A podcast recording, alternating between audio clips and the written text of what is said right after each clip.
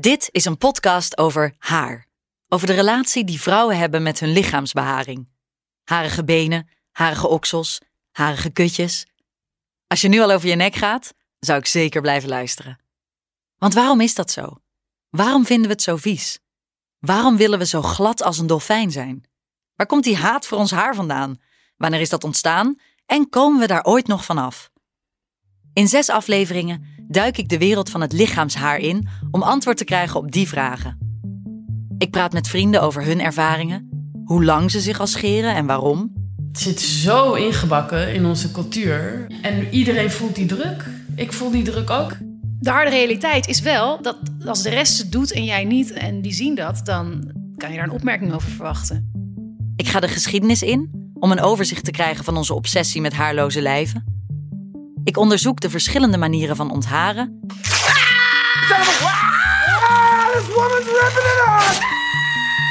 En ik ga de confrontatie aan met mezelf door me een jaar lang niet te scheren. Dit is Over haar. Een podcast gemaakt door mij, Carolien Borgers. In opdracht van Linda.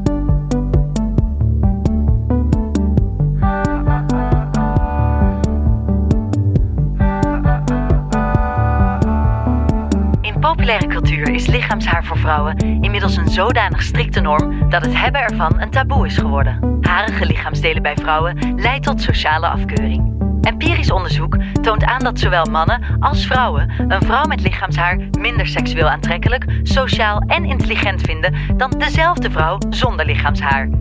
Beide seksen reageren met walging op vrouwelijk lichaamshaar. De waardering voor vrouwelijk okselhaar is hetzelfde als die voor vliegenmeppers met dode beesten erop en maden in vlees. Aflevering 2. Over haar haat. Een jaar geleden vatte ik het plan op om me bij wijze van experiment niet meer te scheren. Mijn omgeving reageerde gemengd. Van positief. Wat dapper. Een act of resistance. Dit is de reactie van Eva, DJ en presentator. Ik vind het heel dapper als je je lichaamshaar laat staan, omdat het een statement is. En je moet erover praten, want mensen gaan er naar vragen. En je weet dat mensen je beoordelen, veroordelen. Dat doen ze niet als je je scheert. Want dat is de norm. Er is niemand die aan jou vraagt: waarom scheer jij je oksels eigenlijk? Dit is Alma, schrijver. Oh mijn god, wat vet. Heel goed. Wat knap. Eh, misschien zelfs bijna een beetje jaloezie. Maar ze reageerde ook verbaasd. Marja, schrijver en columnist, zegt: dat het zoiets belangrijks voor je kan zijn dat dit, eh, dat dit bijna soort challenge voor je is. Dat ik, ik en nou ja, dat ik dat denk, er zit iets van verbazing in. Jeannie, schrijver en ondernemer, verwoordde het vooral praktisch. Ik dacht, oh ja, maar hoe doe je dat dan als je op een terras zit met, een, met korte mouwen en je doet je arm omhoog omdat je naar iemand zwaait? Voel je dan opgelaten? Ben je dan bezig met wat mensen om jou heen van je vinden of niet? Precies dat wilde ik onderzoeken. Hoe zou het voor mij zijn om niet mee te doen met het heersende modebeeld? Om de status quo van lichaamshaar aan te vallen? Ik, die toen ze jong was en misschien nog steeds wel, niets liever wilde dan erbij horen. Durfde ik het aan om een positie in te nemen die zou kunnen betekenen dat mensen iets negatiefs van me zouden vinden, me misschien wel vies zouden vinden? Eeuw, dat is mijn eerste reactie. Zegt Jeannie als ik haar vraag wat ze denkt als ze vrouwen met lichaamsbeharing ziet. En dat, dat is, als ik er dan over nadenk, denk ik, oh nee, dat is helemaal niet goor. Maar dat is de, de instant reactie die ik heb op, oh mijn god, wat heeft zij nou? En die reactie had ik ook altijd. Ik herinner me dat ik Dominique, een vriendin van me, foto's doorstuurde van een vrouw op Instagram die haar beenhaar liet staan met een kotsemoticon eronder. Want gadverdamme, wat een ranzige goorheid. Ginny herkent dit. Een jaar of zes geleden zat ik uh, op het terras bij mijn favoriete kroegje in Utrecht. En dan zit je aan de oude gracht, maar bovenin. Dus je ziet iedereen die langsloopt. Er liep een vrouw voorbij en ze had een rok aan. En ze had mega veel beenhaar. En toen dacht ik meteen, jezus. Toen heb ik er een foto van gemaakt. Omdat ik het zo heftig vond. Terwijl het echt nergens op slaat. Maar ik dacht, hoezo heb je sandaaljes aan en een rok met zo fucking veel beenhaar? Dus ik had uh, uh, eigenlijk heel erg het gevoel dat zij zich moest schamen voor het feit dat zij er zo bij liep. De vorm van rebellion kon ik niet bolwerken. Ik denk omdat ik helemaal niet diep na had gedacht over waarom zij dat misschien had. Ik was, dat was gewoon een oppervlakkig onderwerp. Vrouwen scheren hun benen klaar. Vorige zomer zag ik, afzonderlijk van elkaar, twee vrouwen die hun benen en oksels niet schoren. Nu moet ik erbij zeggen, dat waren heel knappe vrouwen. Voor een mooie jonge vrouw is het veel makkelijker. Ja. Dit is Noor, schrijver en ondernemer. Het is zelfs edgy. Want je bent zo mooi en toch heb je het lef om dan net een beetje niet helemaal perfect te zijn. En dat vinden mensen juist eigenlijk eh, heel moedig en heel stoer. En ja, krijg je weer bonuspoints erbij. Zowel Marja als Noor hebben het hier over bepaalde vrouwen, jong en mooi. Dat zij het zich kunnen permitteren om niet aan de norm te voldoen. Die twee vrouwen die ik vorige zomer zag, konden zich dat ook permitteren. Maar ze werden daarmee wel een voorbeeld. Ze toonden me een andere mogelijkheid, zonder dat het in my face was en opdringerig, gewoon omdat het ze zo gemakkelijk afging. Marte is model en scheert zich niet meer. Ik twee jaar geleden ongeveer en daarmee ben gestopt. Ja, omdat ik dacht, als, als ik altijd kaal geschoren, geplukt en eh gewakst daar aankom, Op de fotoshoots die ze heeft, dan is er nooit de vraag bij een klant of bij een art director of fotograaf: eh, wat, is de schoonheid, wat is het schoonheidsideaal? Willen we dat ons model behaard is of niet? Het is geen optie. Het is gewoon, ze heeft geen haar. En sinds ik het niet scheer, merk ik dat heel veel fotografen het juist super tof vinden als je wel, zeker okselhaar. Of, ik heb niet, doe niet het soort fotografie waarbij je mijn vagina echt ziet, maar ehm eh, okselhaar en beenhaar wordt echt wel gewaardeerd. Toen Marte dit vertelde, was ik heel verbaasd. Marte is er niet rigide in. Ze wil zich best scheren als een opdrachtgever dat fijner vindt. Ik geef ze een optie om te zeggen: hé, hey, het, kan, het kan ook met haar. En er zijn zeker eh, voor bladen en fotografen die vinden dat meestal wel vet. Die zijn een soort van: oh, ik vind het eigenlijk wel mooi. Ik vind het heel cool en dapper, maar ik zou wel bang zijn dat mensen denken dat ik een statement maak. Ik denk wel dat, dat het als statement wordt eh, opgevat. Maar ik denk dat dat ook wel goed is. Laat maar meer, zeker modellen, laat maar meer modellen dat statement maken, zodat het normaal wordt, zodat het niet meer een statement is. Ik ben geen fotomodel, maar als het waar is dat er een van buiten komend schoonheidsideaal aan ons zelfbeeld ten grondslag ligt, is het misschien een goed idee dat modellen dat beeld aanpassen. Modellen zijn voorbeelden. Als zij hun lichaamshaar laten groeien, maken ze ruim baan voor de rest. En als er genoeg vrouwen hun lichaamshaar laten staan, wordt het meer iets als een kapsel of nagellak. Je kunt zelf kiezen wat je fijn vindt. Tegelijkertijd snap ik dat veel van deze vrouwen juist gedijen bij het heersende schoonheidsideaal. En dat het voor hen spannend kan zijn daarvan af te wijken. Dit is Noor. Dus als je, als, je een bepaald, als je een bepaalde norm past, hè, je ziet er sexy uit. Ik heb mijn hakjes aan, mijn make-upje op. Mijn lichaam past in een schoonheidsideaal. Als ik daar haar op krijg, dan breek je een beetje met dat privilege wat je hebt opgebouwd. En dan nog dit. Ik ben me ervan bewust dat schoonheidsidealen veranderen met de tijd. En niet alleen met de tijd, ze verschillen ook per persoon. Want een knappe vrouw in de ogen van de een is dat niet in de ogen van de ander. Maar laten we voor knappe vrouw dan voor het gemak toch even de vrouwen nemen die aan ons via Instagram, modebladen en de televisie als mooi worden verkocht. De Miley Cyrussen, de Julia Robertsen, de Femke Louise van deze wereld. Die overigens allemaal hun okselhaar lieten staan en het ook weer weghaalden, maar daarover later meer. Ik doe het nu niet meer, maar toen ik net begon met het laten staan van mijn haar, vertelde ik aan iedereen die het opviel dat het voor een experiment was, voor een onderzoek, zodat ze maar niet zouden denken dat ik echt zo iemand was. Eva had een soortgelijke ervaring. Ik weet dat het niet onhygiënisch is. Ik weet dat ik het compleet heb geïnternaliseerd. Maar toch kom ik niet van die reflex af om me te schamen voor mijn haar. Ook zij deed het experiment en liet haar haar een tijdje staan. De bos die ik had laten staan van vakantie. Ik was één dag op werk en toen stond ik ook te kletsen. En toen deed ik mijn arm omhoog. En toen zag ik iemand ook naar mijn oksel kijken en weer naar mijn gezicht. En toen dacht ik, oké, ik ben hier nog niet klaar voor. Ik ben, nog, ik ben er nog niet klaar voor om dit statement te maken. Want dat is het ook. Het is nog altijd een statement. En je voelt niet alleen dat je een statement maakt, je voelt nog veel meer oordeel. Dus van, oh, dan zal ze nou, ook wel hele harige benen en een hele harige vagina hebben. Oh, dan is ze misschien zo'n onverzorgd type. Oh, ze is vast heel links. Oh, misschien is ze wel heel boos op de maatschappij. Oh, ze haat vast mannen. Hoe lang hield Eve het vol? Drie weken? Oh, ik snap het zo goed.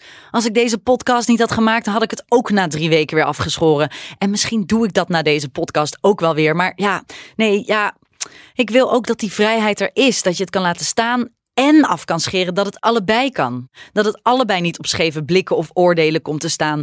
Maar dat kan dus alleen als sommige vrouwen zich niet scheren. Als sommige vrouwen scheid hebben. Maar heb maar eens scheid. Alma schoor zich ook een tijdje niet. En met sommige vrienden ook wel gesprekken die gewoon ook zo waren van ja, ik vind. Die ook zeiden van ja, ik vind het ook gewoon eigenlijk, eigenlijk minder mooi. En doe je het dan inderdaad als een soort van statement.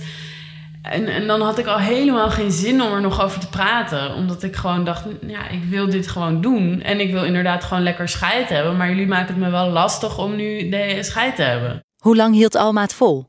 Uh, ik denk anderhalf jaar lang of zo uh, niet me onthaard.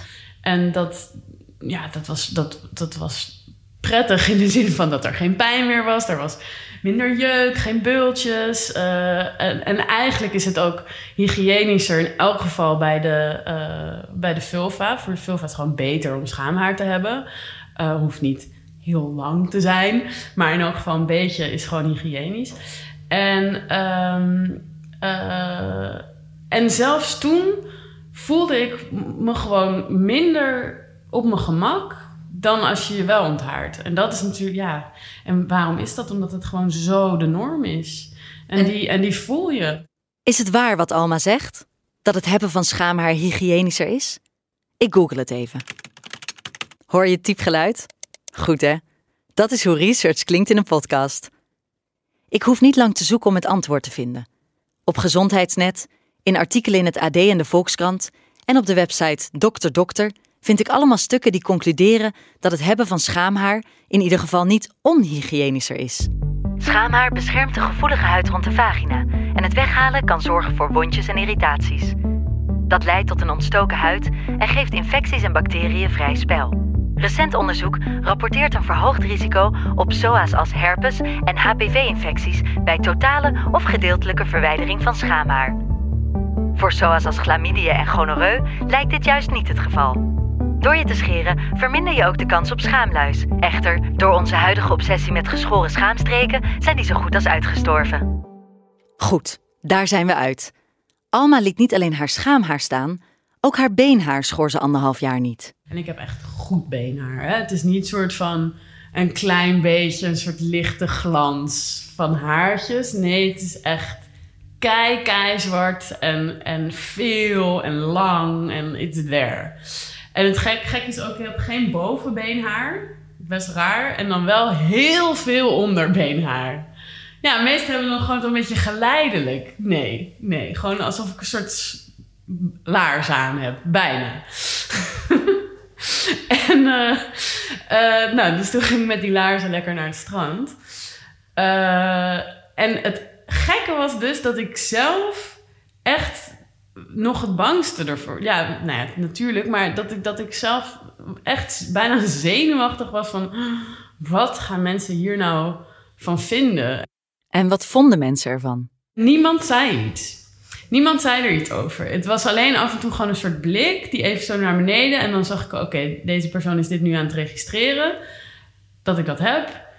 Uh, en is even een soort van verwonderd daarover. Het is een soort heel mimiem. Uh, bijna echt alleen maar een soort, ja, een soort kleine draai in iemands blik. En dat was het dan. Dus eigenlijk viel het heel erg mee. En, en toen, hoe vaker ik het deed, hoe minder ik er ook zelf over nadacht. Ik kreeg wel soms de vraag, uh, en dat ook gewoon echt van vrienden, van is het een statement? En dat vond ik voornamelijk heel vermoeiend, omdat ik dacht, ik wil helemaal niet dat het een statement is. Ik snap dat je het ziet als een statement, omdat het zo niet valt zo buiten de norm dat het bijna een statement wordt.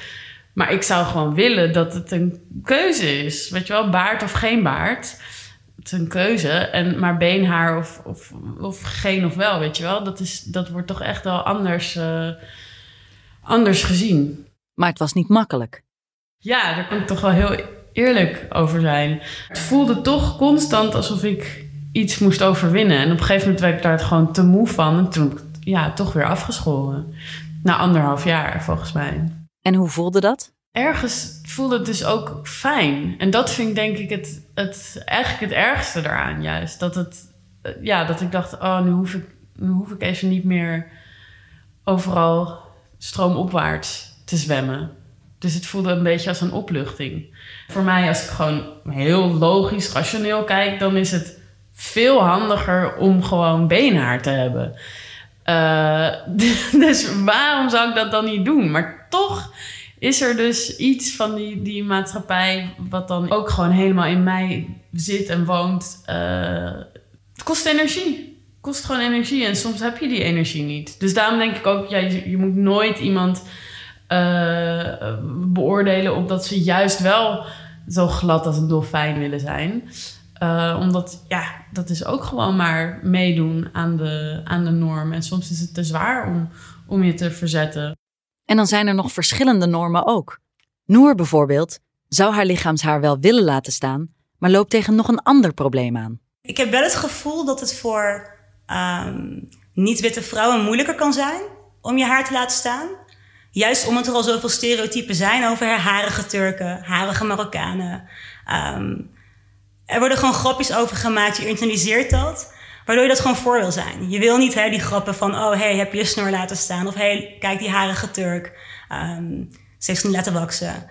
Uh, juist om die dingen voor te zijn, um, ja, denk ik wel dat het wat zwaarder is voor bepaalde groepen vrouwen om dat patroon te doorbreken. Ja. Want hè, kijk, witte vrouwen hebben natuurlijk te maken met seksisme. Dat is waarom we ons lichaam niet kunnen laten staan. En als we dan kijken naar wanneer je niet wit bent, heb je te maken met niet alleen seksisme, maar ook racisme. Dus de intersectie van ras en seksen. En dan komt toch weer nog een laag hè, van shit eigenlijk overheen. En ik bedoel, jij hebt nu ervaring met je het laten staan van je lichaamshaar. En jij vertelde mij dat het best wel moeilijk was voor jou. Hè? Dus de opmerkingen die je kreeg. Dus moet je nagaan als daar nog een laag overheen komt van uh, geweld. Het is niet alleen maar seksistisch geweld, maar ook racistisch geweld. Um, ik denk dat het best wel lastig is voor vrouwen om, ja, om dat tegen te gaan. Ik vertelde Noor inderdaad dat het lastig was het afgelopen jaar. Het seksistische gedeelte dan. Zelfs zonder die tweede laag van racisme. Ik vond en vind het eigenlijk vooral heel onprettig dat ik gelabeld word als iets, zonder dat ik daar iets voor doe. Sterker nog, door iets niet te doen, door me niet te scheren, door iets te laten, ben ik opeens een activist? Ja, het is een soort vorm van rebellie waar ik dan bijvoorbeeld niet op zit te wachten of zo. Ik, ik, heb, ik wil dat dan niet. En, en ik, ik weet niet of jij dat ook zo voelt, maar um, als je je oksels niet scheert, dan ben je voor veel mensen meteen een feminist. Maar zij kunnen dan ook niet eens meer het onderscheid maken tussen een feminist die alle mannen, alle mannen haat en een feminist die gewoon staat voor wie ze is en baas over eigen lichaam wil zijn, bijvoorbeeld. Eh, dus als ik mijn okselhaar zou laten staan, als ik dat al zou willen, want ik wil het niet, dan zou ik ook niet die sticker opgeplakt willen krijgen. Het is zo raar, want ik, ik weet dat het niet boeit wat mensen van, die, van mij vinden. Dus die sticker moet niet uitmaken, maar dat doet het dan toch. Ik begrijp zo goed wat Ginny hier zegt. En mensen houden ook niet van verandering. En ik denk, ik, ik, ik heb zoiets van, ja, I just want to blend in. I don't want to stand out. Niet op dat gebied in ieder geval. Op heel veel andere gebieden fine, maar niet op dat gebied. I just want to blend in. Soms is het te zwaar je te verzetten. Het is lastig om ergens tegen in te gaan. Julia Roberts stond in 1999 met okselhaar op de rode loper van de première van Notting Hill. Misschien herinner je het nog wel. Ze droeg een mouwloze jurk, zwaaide naar de pers en daarbij was haar okselhaar te zien. Dat maakte indruk. Jaren later stond het nog steeds in de top 10 van blunderende beroemdheden. Voor veel vrouwen werd het okselhaar van Julia in die tijd gezien als een statement. Zij voelde zich gesteund door het feit dat zo'n celeb tegen de norm in durfde te gaan. Onlangs gaf Julia Roberts een interview in de talkshow van Busy Phillips, waarin ze vertelde nooit een statement te hebben willen maken. Ze was simpelweg vergeten haar oksels te scheren. I just hadn't really calculated my sleeve length and the waving and how those two things would go together and reveal personal things about me. So it wasn't so much a statement as it's just part of the statement I make as a human on the planet for myself. Thank you, thank you. Ja, zoals je hoort, ik heb een geweldige Julia Roberts in huis. Maar wat ze hier zegt, wat zegt ze nou eigenlijk? Iets over haargroei, iets over mens zijn, ja, dat klinkt goed, maar het zegt niks. En het is al helemaal geen statement. Femke Louise stond in maart van dit jaar op de voorkant van de Linda Meiden met okselhaar. Maar als ik nu haar Instagram-pagina bekijk, is er geen haartje meer te bekennen. En Miley Cyrus? In August, she displayed her leg hair in an Instagram post, and she was photographed at the MTV Video Music Awards with long armpit hair as well. Ja, ze had een tijdje okselhaar, maar ze is inmiddels alweer door naar haar volgende spraakmakende uiterlijk. Zo lijkt het geen blijvend verzet tegen heersende rolpatronen, maar kortstondige, spraakmakende acties. Aan de andere kant, soms is het te zwaar om je te verzetten. Dit merkte ook Jasmin Gazimova, een studente uit Liverpool. Een van de eerste die ik online vond toen ik op zoek ging naar vrouwen die hun lichaamshaar lieten staan en daar publiekelijk voor uitkwamen. De reacties op haar harige lichaam zal ik even voorlezen. Ik heb overgegeven toen ik je foto zag. Ik heb 146 keer moeten braken. Dat wijf is viezer dan een beest. Pas je aan de normen aan, vuil lesbisch wijf. Ik sprak haar. My article kind of got republished in a lot of tabloids um, pretty much immediately, which was quite surprising. Most of like what people had to say was actually quite negative. Um, there was even one tabloid that sort of like had a little poll at the bottom of the um, at the bottom of the article online, um, basically asked people to you know say whether they thought that I should be able to do this or not. That shouldn't even be a question. Of course, I should be able to do whatever I want with my uh, body hair.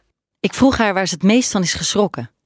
I guess none of it really shocked me. Um, I was more, I, I guess, one slightly interesting interaction I was quite surprised by was this um, this com- this quite small company in LA that basically just um, did like waxing treatments and things like that, like skin, like hair removal treatments, whatever. On their Twitter, just decided to like have a like a weird sort of like bullying session where they sort of, I don't know, t- tweeted at me like really weird, horrible pictures and really horrible messages about how like I was like really gross. Everything else, you know, with people like calling me disgusting or that, you know, that um, some some people even insisted that I had like a disease or whatever. All of that was kind of not surprising. En hoe voelt ze zich als ze met behaarde benen over straat gaat? I don't like show my hairy legs to most people because I don't. Um, I I get quite like scared about like getting comments from people in public. But around like my friends and stuff, I'm quite open about it. Jasmine toont zich niet graag met behaarde benen in het openbaar. En als ik eerlijk ben, heb ik dat in de afgelopen elf maanden ook niet echt gedurfd. Ik heb wel een jurk aangehad op feestjes, maar niet een heel korte. En als ik op een strand lag, was het in het buitenland. En wat doe je als je het allemaal een beetje moeilijk vindt? Dan ga je de straat op in je eigen stad met een microfoon en zeg je tegen random mensen: Kijk eens naar mijn beenhaar, wat vind je ervan? Ik nam wel mijn vriendin Malou mee. Ik ben dus heel erg aan het zweten. Maar echt heel erg. Ja? Ja. Ik vind het zo. Je voelt gewoon dat je. Ja, dat je iets doet. Wat, ik bedoel, het is een hartstikke mooie dag. Iedereen loopt hier met blote benen. En alle benen zijn hartstikke glanzend en mooi en glad. En ik voel me gewoon een beest. Ja, ik, ben, ik vraag me af of jij deze outfit de hele dag aanhoudt. Nee, absoluut niet. Nee, ga je het uitdoen? Ga je een lange Ja. broek aantrekken? Ja, denk het wel. Ik vind het echt. eh, je voelt gewoon mensen het kijken en oordelen. Ja, ik weet dat het eh, We lopen nu wel achter een man. Die heeft gladdere benen dan jij. veel gladder. Wat vindt u van mijn behaarde benen? Het is als ik het nu zie. Eh, ja, lekker eh, retro toch? Nee, ik vind wel dat een vrouw eh, geschoren benen moet hebben. Oh mijn god, dat had ik nog helemaal niet gezien. oh, dat is best heel aanwezig. Nou, ja. valt mee hoor. Nou, het ligt er als de zon erop schijnt. Dus het Je hebt best... gelukkig blonde haren. Als het dat scheelt. waren het erger. Ja. Veel te veel. Vind ik echt lelijk. Ja? Ja, heel lelijk. Ja? Eraf moet het. Onder en boven. Ja, nee, ik vind het niet mooi staan. Te mannelijk. Ja, en onverzorgd. Caroline, die vrouw van jou niet om aan te zien. Ja, ik- het is een fantastische quote, maar ik moet wel huilen nu. Ik vind het echt heel erg. Je zet ook meteen je bril op. Ja, ik schaam me nu dus gewoon. Ik weet niet of het representatief is voor de hele maatschappij. Maar in mijn paar uur buiten de deur merkte ik dat vrouwen er stukken heftiger op reageerden dan mannen. En ik snap het wel dat mijn vriendinnen zich weer gingen scheren. Dat ze het niet volhielden. Het is helemaal niet leuk om bij een stoplicht mannen en vrouwen naar je onderbenen te zien kijken en te zien dat ze schrikken. Het is helemaal niet leuk om jezelf niet volgens de norm te presenteren. Dit is Marja. Maar is het niet net zoiets geworden dat je je okselhaar weghaalt als dat je bijvoorbeeld zorg dat je mascara op hebt. Is het niet, weet je wel, een algehele make-up en daar, als je niet je okselhaar weghaalt, dan gaat daar bijna al een soort agressie van uit. Dan laat je eigenlijk zien als vrouw van fuck you. Dat vind ik het bijna. Fuck you tegen wie? Nou, ik zou kunnen zeggen de man. Weet je wel, zo van ik, ik ben echt niet bezig om voor jou aantrekkelijk te zijn, dat. Maar ik denk dat het breder is dat je het eigenlijk gewoon tegen de wereld zegt. Van ik, ik, ik ben, ik, uh, ben trots op wie ik ben. En ja, dus dat het echt zo'n soort statement wordt van dit ben ik. En ik heb, ik heb uh, okselhaar. Wat is, weet je wel, als jij een probleem hebt, dan is dat jouw probleem. Ik heb geen probleem. Ik kom er misschien niet helemaal uit hoor. Ik weet niet zo goed of het seksisme is of een algehele. Ik ben nu ook heel erg aan het nadenken over misogynie. Ik denk dat er wel altijd zo'n. dat wij leven in een cultuur waarin vrouwen. dat het, nou hoe moet je het zeggen, dat het zo breed is doorgedrongen dat je als vrouw toch gewoon de. de feestfactor moet zijn in het leven. En de aantrekkelijke partij moet zijn. En daar hoort dat scheren hoort daar gewoon bij. Dus dat je altijd laat zien dat je je best doet om er goed uit te zien. En uh, dat je je bewust bent van je vrouwelijkheid. Dat je geen Neandertaler bent. Dat je geen woesteling bent. En dat laat je toch zien door gewoon zo'n relatief eenvoudig iets. Als dat okselhaar weghalen. En uh, het is gewoon een symbool geworden, denk ik ook, van inderdaad goordigheid. Zo van je zorgt niet goed voor jezelf. Weet je, alsof je je tanden niet poetst. Zoiets is het. Dat je geen Neandertaler bent. Geen woesteling, zegt Marja. Maar hoe zagen die Neandertalers eruit? Hadden die okselhaar of haalden ze dat weg? In de volgende aflevering van Over haar duik ik samen met Paulien Cornelissen in de geschiedenis van onze harige lichamen.